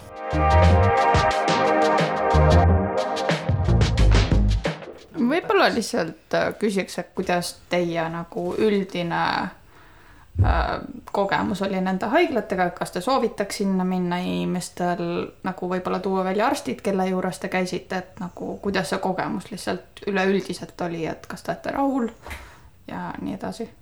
Ähm, minu kirurg oli doktor Ants Viiklepp. kirurg tundus mulle väga sümpaatne, ter-, noh, haiglas ükski äh, töötaja kordagi ei misgenderinud mind.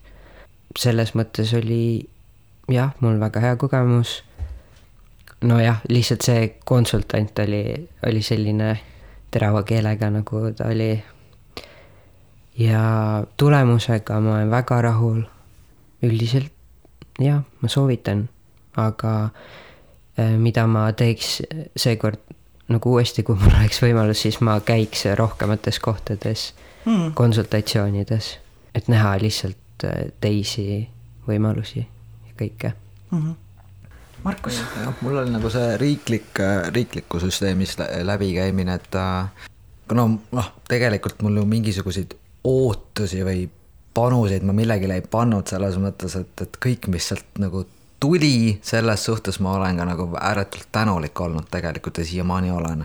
et äh, ma küll arvan, et mulle anti haigla kõige räbalam palat, kus ma õnneks olin üksinda, sest seal oli ikkagi naiste osakond nii-öelda, aga seal oli nagu see ventilatsioon, mis undas päevad läbi. see kuidagi nagu stress, ajas natuke stressi. aga noh, Eller, eh, minu konsultatsioon oli kohe Elleriga, et seal kedagi nagu vahel ei olnud. Eh, tal oli küll eh, kaasas üks intern, kel, noh, ta küsis ka minult, et kas ta võib, kas ta võib internile ka nagu siia loosse sisse nagu kirjutada selles mõttes, et kas ta võib ka näha, mis, mis seisus ma olen ja, ja nagu enda, enda praktikat temaga siis jagada nagu minu näitel, siis ma ütlesin okei okay,, et noh selles mõttes, et mis, mis ikka hullemaks võiks minna, on ju.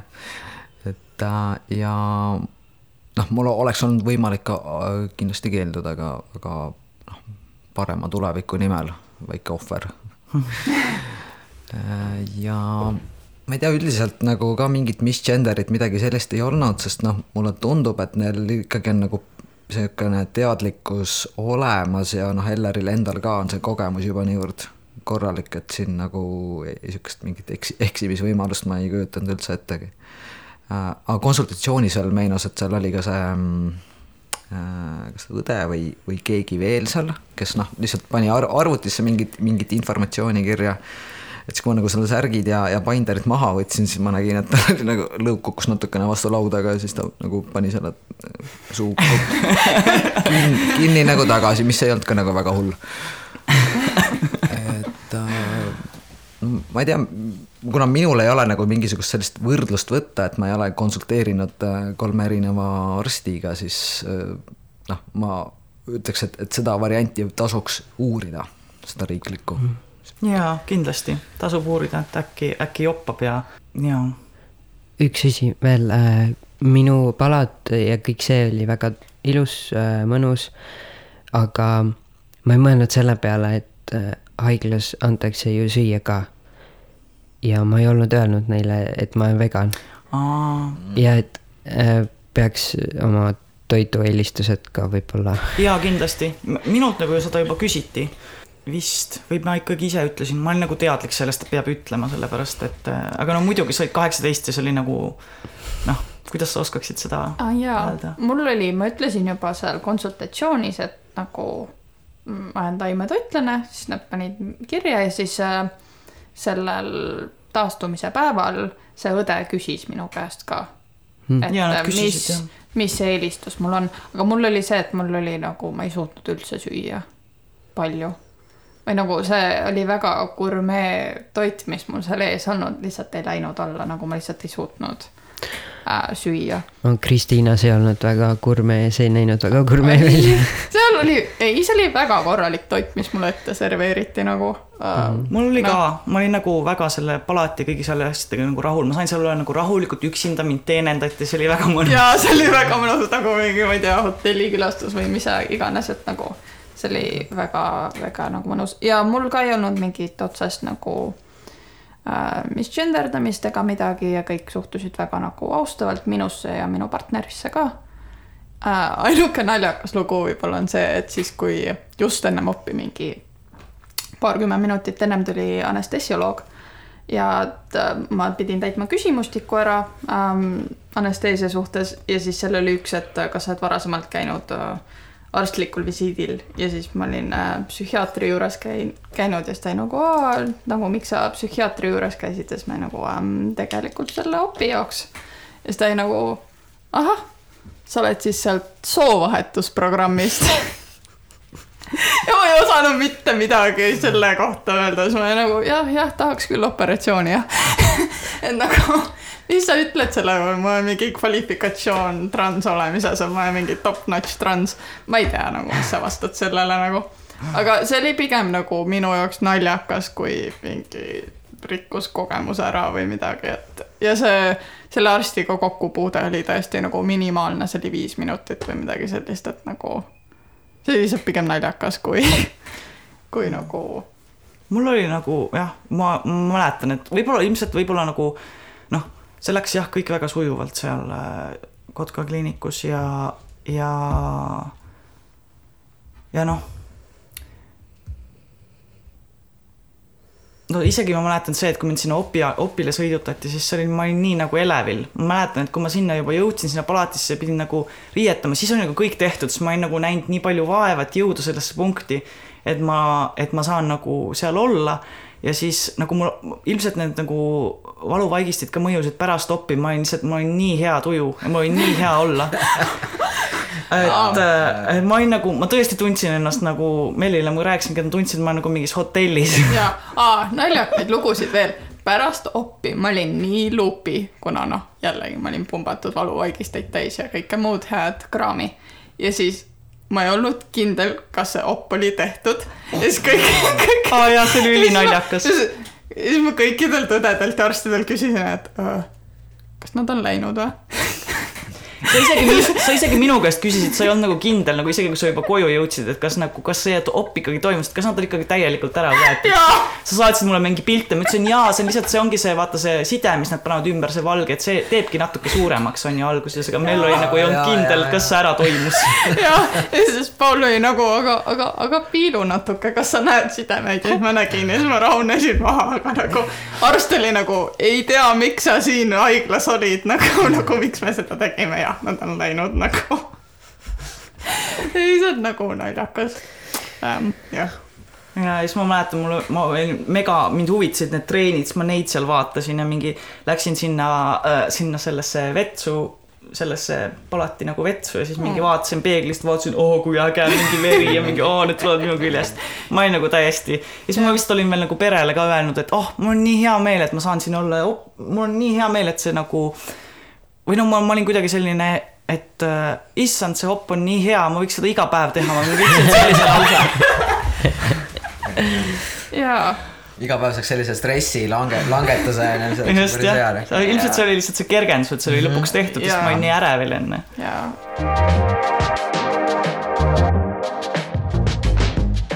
aga räägime võib-olla natuke elust pärast, pärast viimase asjana jah. et äh, kuidas te tunnete, et elu on muutunud pärast seda või mis te olete tähele pannud? et kui ma enne nagu äh, vaatasin nagu selliseid olukordi, et kus, kuhu ma suure pusaga nagu minna ei saa, et siis ma nagu väga kaalusin, et kas ma üldse lähen sinna, näiteks mingisugused äh, saunad ja, või spordiasjad, kus nagu mingid džimmid ja, ja sellised kohad, kus ei peab ennast nagu paljastama rohkem, kui oleks nagu düsfooria lubanud, siis noh, nüüd ma mõtlen niimoodi, et kas see on see olukord, kus särgi vihaselt seljast rebimine on sotsiaalselt aktsepteeritav sest nagu, sest jah, ja, ja teine, mis ma tähele panin, oli see, et, et kui varem nagu sõitsin busside ja ühistransportidega ja siis ma nagu olin mingi ülistressis sellepärast, et mu rinnad rappuvad ja absoluutselt kõik näevad seda ja vaatavad ja no ühesõnaga noh, et sihuke üli, üli, ülistress, stressirikas olukord, mida ma üritasin nagu pusadega siis katta. siis pärast ma nagu või noh, praegu ma nagu tunnen, et mu rinnalihased ei rapu piisavalt, et mul ei ole siin nagu piisavalt massi, noh. Watch me aga jah, nende pusavoltide ja selle teemaga tegelikult, äh, mis ka nagu noh, ümbritsevad inimesed on öelnud, tegelikult kelle, kõigil on suva nagu, et kui su jope on siin ees natuke rullis, istud seal bussis nagu noh, et tegelikult mitte keegi ei vaata sind. aga sinu enda peas on see buss on täidetud minu ülakehaga mis ei Ja ole. kõik jälgivad. ja, Ja ja kõik jälgivad, mitte keegi ei mahu siia ära, kõik, ma lä- lämmatan kõiki, noh, tegelikult, tegelikult mitte kedagi ei huvita nagu, et äh, ei pea olema alati suur pusa seljas, et äh, inimestel on enda asjadega nii palju probleeme, et et see düsfooria, noh, mul selles mõttes lihtne on seda öelda, aga noh, see ei ole nii hull tegelikult. see on natuke vähem, kui see seal peas toimub jah, aga seda on väga raske välja lülitada. seda on raske välja Oo, lülitada oh,, aga jah, aga, aga selles mõttes, et ma olen sellest nagu praegu aru saanud ja aga seda ei saagi nagu võib-olla varem. selle, ilmselt sa ei saagi seda, et siis, kui sul on see läinud, see kergendus on, kui see raskus on läinud siit rinnalt, siis nagu mingi mingisugune objektiivsus nagu tegelikult oma keha suhtes. jaa. ma arvan, et ma tegelikult ka ei saanud aru, kui palju düsfooria mu elu mõjutas ennem seda oppi. et kui palju lihtsalt nagu mäluruumi otseses mõttes sel, see võttis enda alla ähm,. ja nüüd lihtsalt ma saan, ma ei pea noh, kõige parem nagu metafoor, mis ma võib-olla toon sellele on, kui sul on kingad, mis nagu äh, hõõruvad või nagu ei ole õiged, siis see on ainuke asi, millel peale sa mõtled. aga kui see on nagu õiged kingad, siis sa isegi ei mõtle selle peale ja see on see, mida ma tunnen praegu, et nagu ma saan lihtsalt elada oma elu ja ma ei pea mõtlema iga sekund, iga minut, et nagu midagi toimub, mis on error nagu. samas, kui need hõõruvad kingad on nagu ainukesed kingad, mis sul on, siis, siis sul ongi niimoodi ja mingi hetk nagu, kui sul õnnestub see oma, oma suurus saada, siis on nagu ja, ja elu võib niimoodi ka olla. ja, ma ikka veel avastan mingeid väikseid asju, mis on nagu asjad, mis ennem tõid düsfooriat ja nüüd on nagu täiesti okei okay,, et nagu mingi rattaga sõitmine või siis mm. -hmm. oh my god, esimene kord, kui ma panin valge särgi selga mm, -hmm. ma lihtsalt ei suutnud lõpetada naeratamist. sellega on natuke naljakas lugu ka, et ma olin nagu okei okay, üks hommik ma olin nagu, nüüd ma proovin kõiki särke, mis ma ennem kanda ei saanud ja siis ma panin ühe sellise väga liibuva valge särgi selga ja siis ma nagu ma ei saa seda seljast ära. sest see oli nii tait ja mu käed ei läinud nagu ülesse. ja siis, ja siis ma tegin sellise nagu vabanduskohvi oma partnerile nagu ei, ma tean, et sa üldse ei taha praegu üles ärgata, aga aita mu särgist välja palun. nii palju siis kõikide särkide proovimisest, see oli mingi teine särk. min-, minu lemmik, lemmiktunne on see, et nagu kui ma alguses nagu sõitsin äh, nagu tähendab jah, see suvel pärast seda oppi oligi see, et ma nagu kandsin mingit särki, on ju, mingi nööpidega särki ja siis sõidan ja sa tunned, kuidas see tuul läheb siit nagu sul siit eest nagu sellest kaelusest sisse, sa tunned seda oma rinna peal. ja see oli kuidagi nii mõnus tunne, et ma nagu nautisin seda, seda, et, et, et, et nagu miski ei kata mu seda rindkene, mis, mis enne kattis. pluss mul nagu tuli meelde, et mul tegelikult nagu lapsepõlves nagu oli tegelikult seesama tunne, et mul oli nagu kõik fine, enne kui nagu rinnad kasvama hakkasid. et selles mõttes mul oli ikkagi mingisugune mälestus sellest, et kuidas peaks olema. et, et siis ma nagu taas tundsin seda nagu mõnu nagu oma kehast selles mõttes, et ma nagu saan siin olla rahulikult. kõik äh, need tunded on siin juba jah jagatud, mul oli täpselt samamoodi. ma olen tundnud ennast lõpuks nagu nende nelja aasta jooksul endana. ja sellele eelnes lihtsalt nagu alates sellest puberteedieast lihtsalt nagu mingisugune ebamugavus ja äng ja ma ei tea nagu miski ütleb, et, et äh, nagu miski on valesti ja siis lõpuks sa tunned, et kõik on õigesti. ja see oli imeline tunne, ma mäletan ka, ma lihtsalt naeratasin mitu nädalat järjest pärast seda operatsiooni. nagu tõesti, see äh, oli elupäästja. jah, võib-olla võin nagu enda kogemusest öelda, et nagu esimesed kuu aega ma otseselt ei saanud mm, või nagu esimesed kuus nädalat ma ei saanud nautida seda või nagu ma ei näinud oma rindkere väga tihti, ainult siis, kui ma duši all käisin. nii et nagu see eufooria võib-olla nagu ei tule kohe kohale. ja see on täiesti okei okay. jaa, et kui sul on, kui sul on nagu rõve on olla selle binderiga ja ebamugavustunne, siis on päris raske nagu. et midagi ei ole valesti, kui see nagu kohe mingi järgmine päev ei hiti see soo eufooria.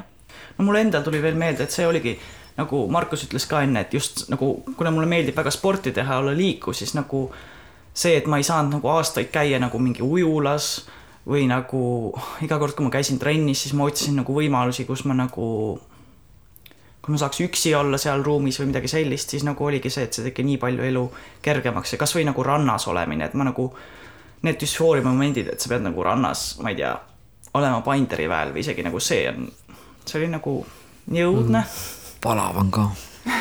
palav on ka ja higistab jah. aga nüüd sa oled käinud ujulas äh,? olen jah. ma äh,, ma olen ka käinud, ma kogu aeg kardan, et nagu keegi vahib mu neid äh, arme. aga tegelikult see... Äh, kedagi ei koti. jah, ma, ma ka kardan seda aga nagu tavaliselt kedagi ei koti, ma ei, nagu ei ole näinud mitte kedagi, kes oleks neid isegi väga vaadanud. sest inimesed vist nagu ei vaata arme ja nagu äh, ma üritan nagu, kuna mul on nagu, mul on nagu see, et mu keha on nagu paraneb niimoodi, et, et ta nagu armkudet tekib hästi palju, nii et mul on nagu endiselt väga nähtavad armid ja, ja nagu suured armid. aga nagu ma ise nagu üritan mõelda ja nagu tunnen seda üha rohkem, et ma olen nagu uhke nende armide üle mõnes mõttes, et see ongi nagu, see näitab seda, et ma olen nagu läbi käinud selle, et kui tugev ma olen mõnes mõttes. ja, ja noh, ja mul on ka selline uhke tunne võib-olla ja siis see ka, et et see on hea, kui inimesed näevad erinevate kehatüüpidega nagu inimesi ümberringi ja võib-olla see normaliseerib nagu ja, seda. Nende armide kohta veel, et, et ühe, ühel tuttaval ma palusin arvata, et, et noh, mis sa arvad, siis ta nagu noh, ta on nendes LGBT teemades suhteliselt teadlik, aga ta ei arvanud ära ja siis ta lihtsalt pakkus, et kas sul tehti kahelt poolt südameoperatsiooni või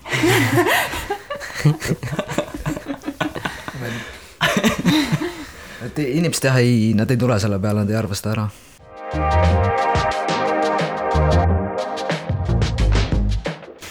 kuidas me lõpetame selle saate? võib-olla räägime natuke armihooldusest ka, mis te olete teinud oma armide hooldamiseks? mina panin silikoonkeeli, mis oli vähemalt siis, kui mina käisin kaks tuhat kaheksateist aastal. See oli hirmus kallis mingi üli-ülipisike tuubike. oli võib-olla, ma ei mäleta, see oli nii kallis. aga see silmnähtavalt aitas ka, et ma mm. nägin, kuidas või nagu see arm hakkas kiiremini paranema, läks ilusamaks nagu mm. -hmm. Okay. ma olen mõelnud selle peale, aga ma ei ole proovinud seda. mul on ka sarnane kogemus, et ta kuidagi nagu tõmbab kokku neid kahte lõike serva või noh, ma ei tea, mul on niisugune tunne vähemalt, et need kaks serva, mis mingis kohas on olnud nagu rohkem laiali, panen selle keeli peale, siis mingi hetk nad on nagu ikkagi rohkem kokku saanud mm. -hmm. et sa kasutasid seda keeli, jah? jah mm. -hmm. no mina olen nagu vist kõike proovinud põhimõtteliselt. seda keeli ma nagu ainsana võib-olla ei ole kasutanud, aga ma proovisin neid silikonteipe, mis nagu aitasid nad tegid nagu lamedamaks seda haava. mul oli, ma unustasin mainida, mul oli see, mul tekkis nagu selle teibi allergia, nii selle kirurgia teibi, mis nad, mis alguses on nagu sul selle terve haava peal, kui ka nagu selle äh, suure sellise noh, selle plaastri, valge sellise suure plaastri, et mul nagu nahk on kuidagi eriti tundlik. ehk siis nagu mingi hetk ma ei saanud enam seda silikonteipi ka kanda ja ma olengi lihtsalt nagu pannud sellist ühte kreemi peale, mis nagu mulle tundub, et natuke aitab. aga ja ma ütlen, mul on lihtsalt sellist moodi geneetiliselt nagu see soodumus nendeks äh, tugevaks armis, suureks armistumiseks, nii on lihtsalt. Mm, ja ma arvan, et peamine asi, mis on teinud, ongi, ma olen pannud armikreemi peale. brändi nimi on Flat and Flawless, ma ei tee promo neile lihtsalt nagu see on toiminud minu jaoks, mis ongi mõeldud top surgery armide jaoks on ühe transmehe poolt tehtud firma.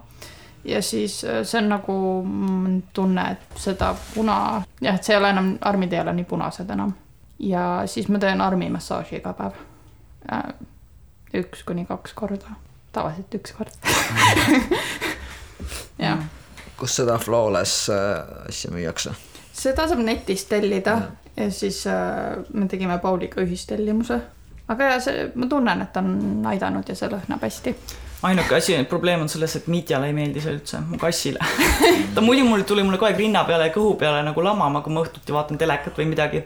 nüüd ma pean nagu ma pean panema särgi selga pärast seda, kui ma olen nagu selle peale pannud, sest ta nagu sa annad talle nuustu, ta tõmbub nagu tagasi, ma ei tea ühtegi teist asja, mille peale ta niimoodi reageeriks. kuule, see on väga hea vihje, sellepärast et minu kass tahtis mul küll siin niimoodi trampimas käia mul nende haavade pärast peal parandamas parandamas, masseerimas ja et, et tegelikult peaks just seda panema peale, et jah, kui koduloomad on, siis sellega peab ka arvestama, et pärast oppi, et nagu keegi, kes saab nendega tegeleda, pluss seda, et sa nagu, ma ei tea, õpetad neid enne mitte käima sul rinna peal või nagu lükkad varakult ära. jaa. Aga jah, ma arvan, et see on nagu hea koht, kus kriips peale tõmmata. no sellest võibki rääkima jääda. ja nagu... sellest, sellest on nii palju rääkida. nii palju detaile. võib-olla mainin ära, et kui, kui sa tunned, et top surgery on midagi, mida sina vajad, siis nii mina, Paul kui Eke oleme kogemusnõustajad LGBT ühingus ja meie poole saab äh, pöörduda ka selliste teemadega. et näiteks mina olen, noh, hea meelega vastan, kui, kui küsitakse. Ja mina ka, eke at lgbt.ee. jah, ja ma olen praegu tegelikult äh, väiksel puhkusel sellest, aga, aga sügisel tulen tagasi. aga sellegipoolest suured tänusõnad sulle, sellepärast et äh, sina aitasid mind ka läbi sellest äh, armistumise lõppfaasist. et jah, soovitust. jah, jah, aitäh kuulajad, tähendab kuulajatele ja siis ka meie külalistele, et te tulite ja rääkisite sellest kogemusest, millest ei ole alati hea kerge rääkida ja samas, samas on nii tore, et te tulite, et siis on inimestel ka mingisugune võimalus kuulata järgi teiste kogemusi, et kui kellelgi ei ole endal tuttavat, jah, kelle käest nõu küsida. aga jah, kuulmiseni. Tänud kutsumast. aitäh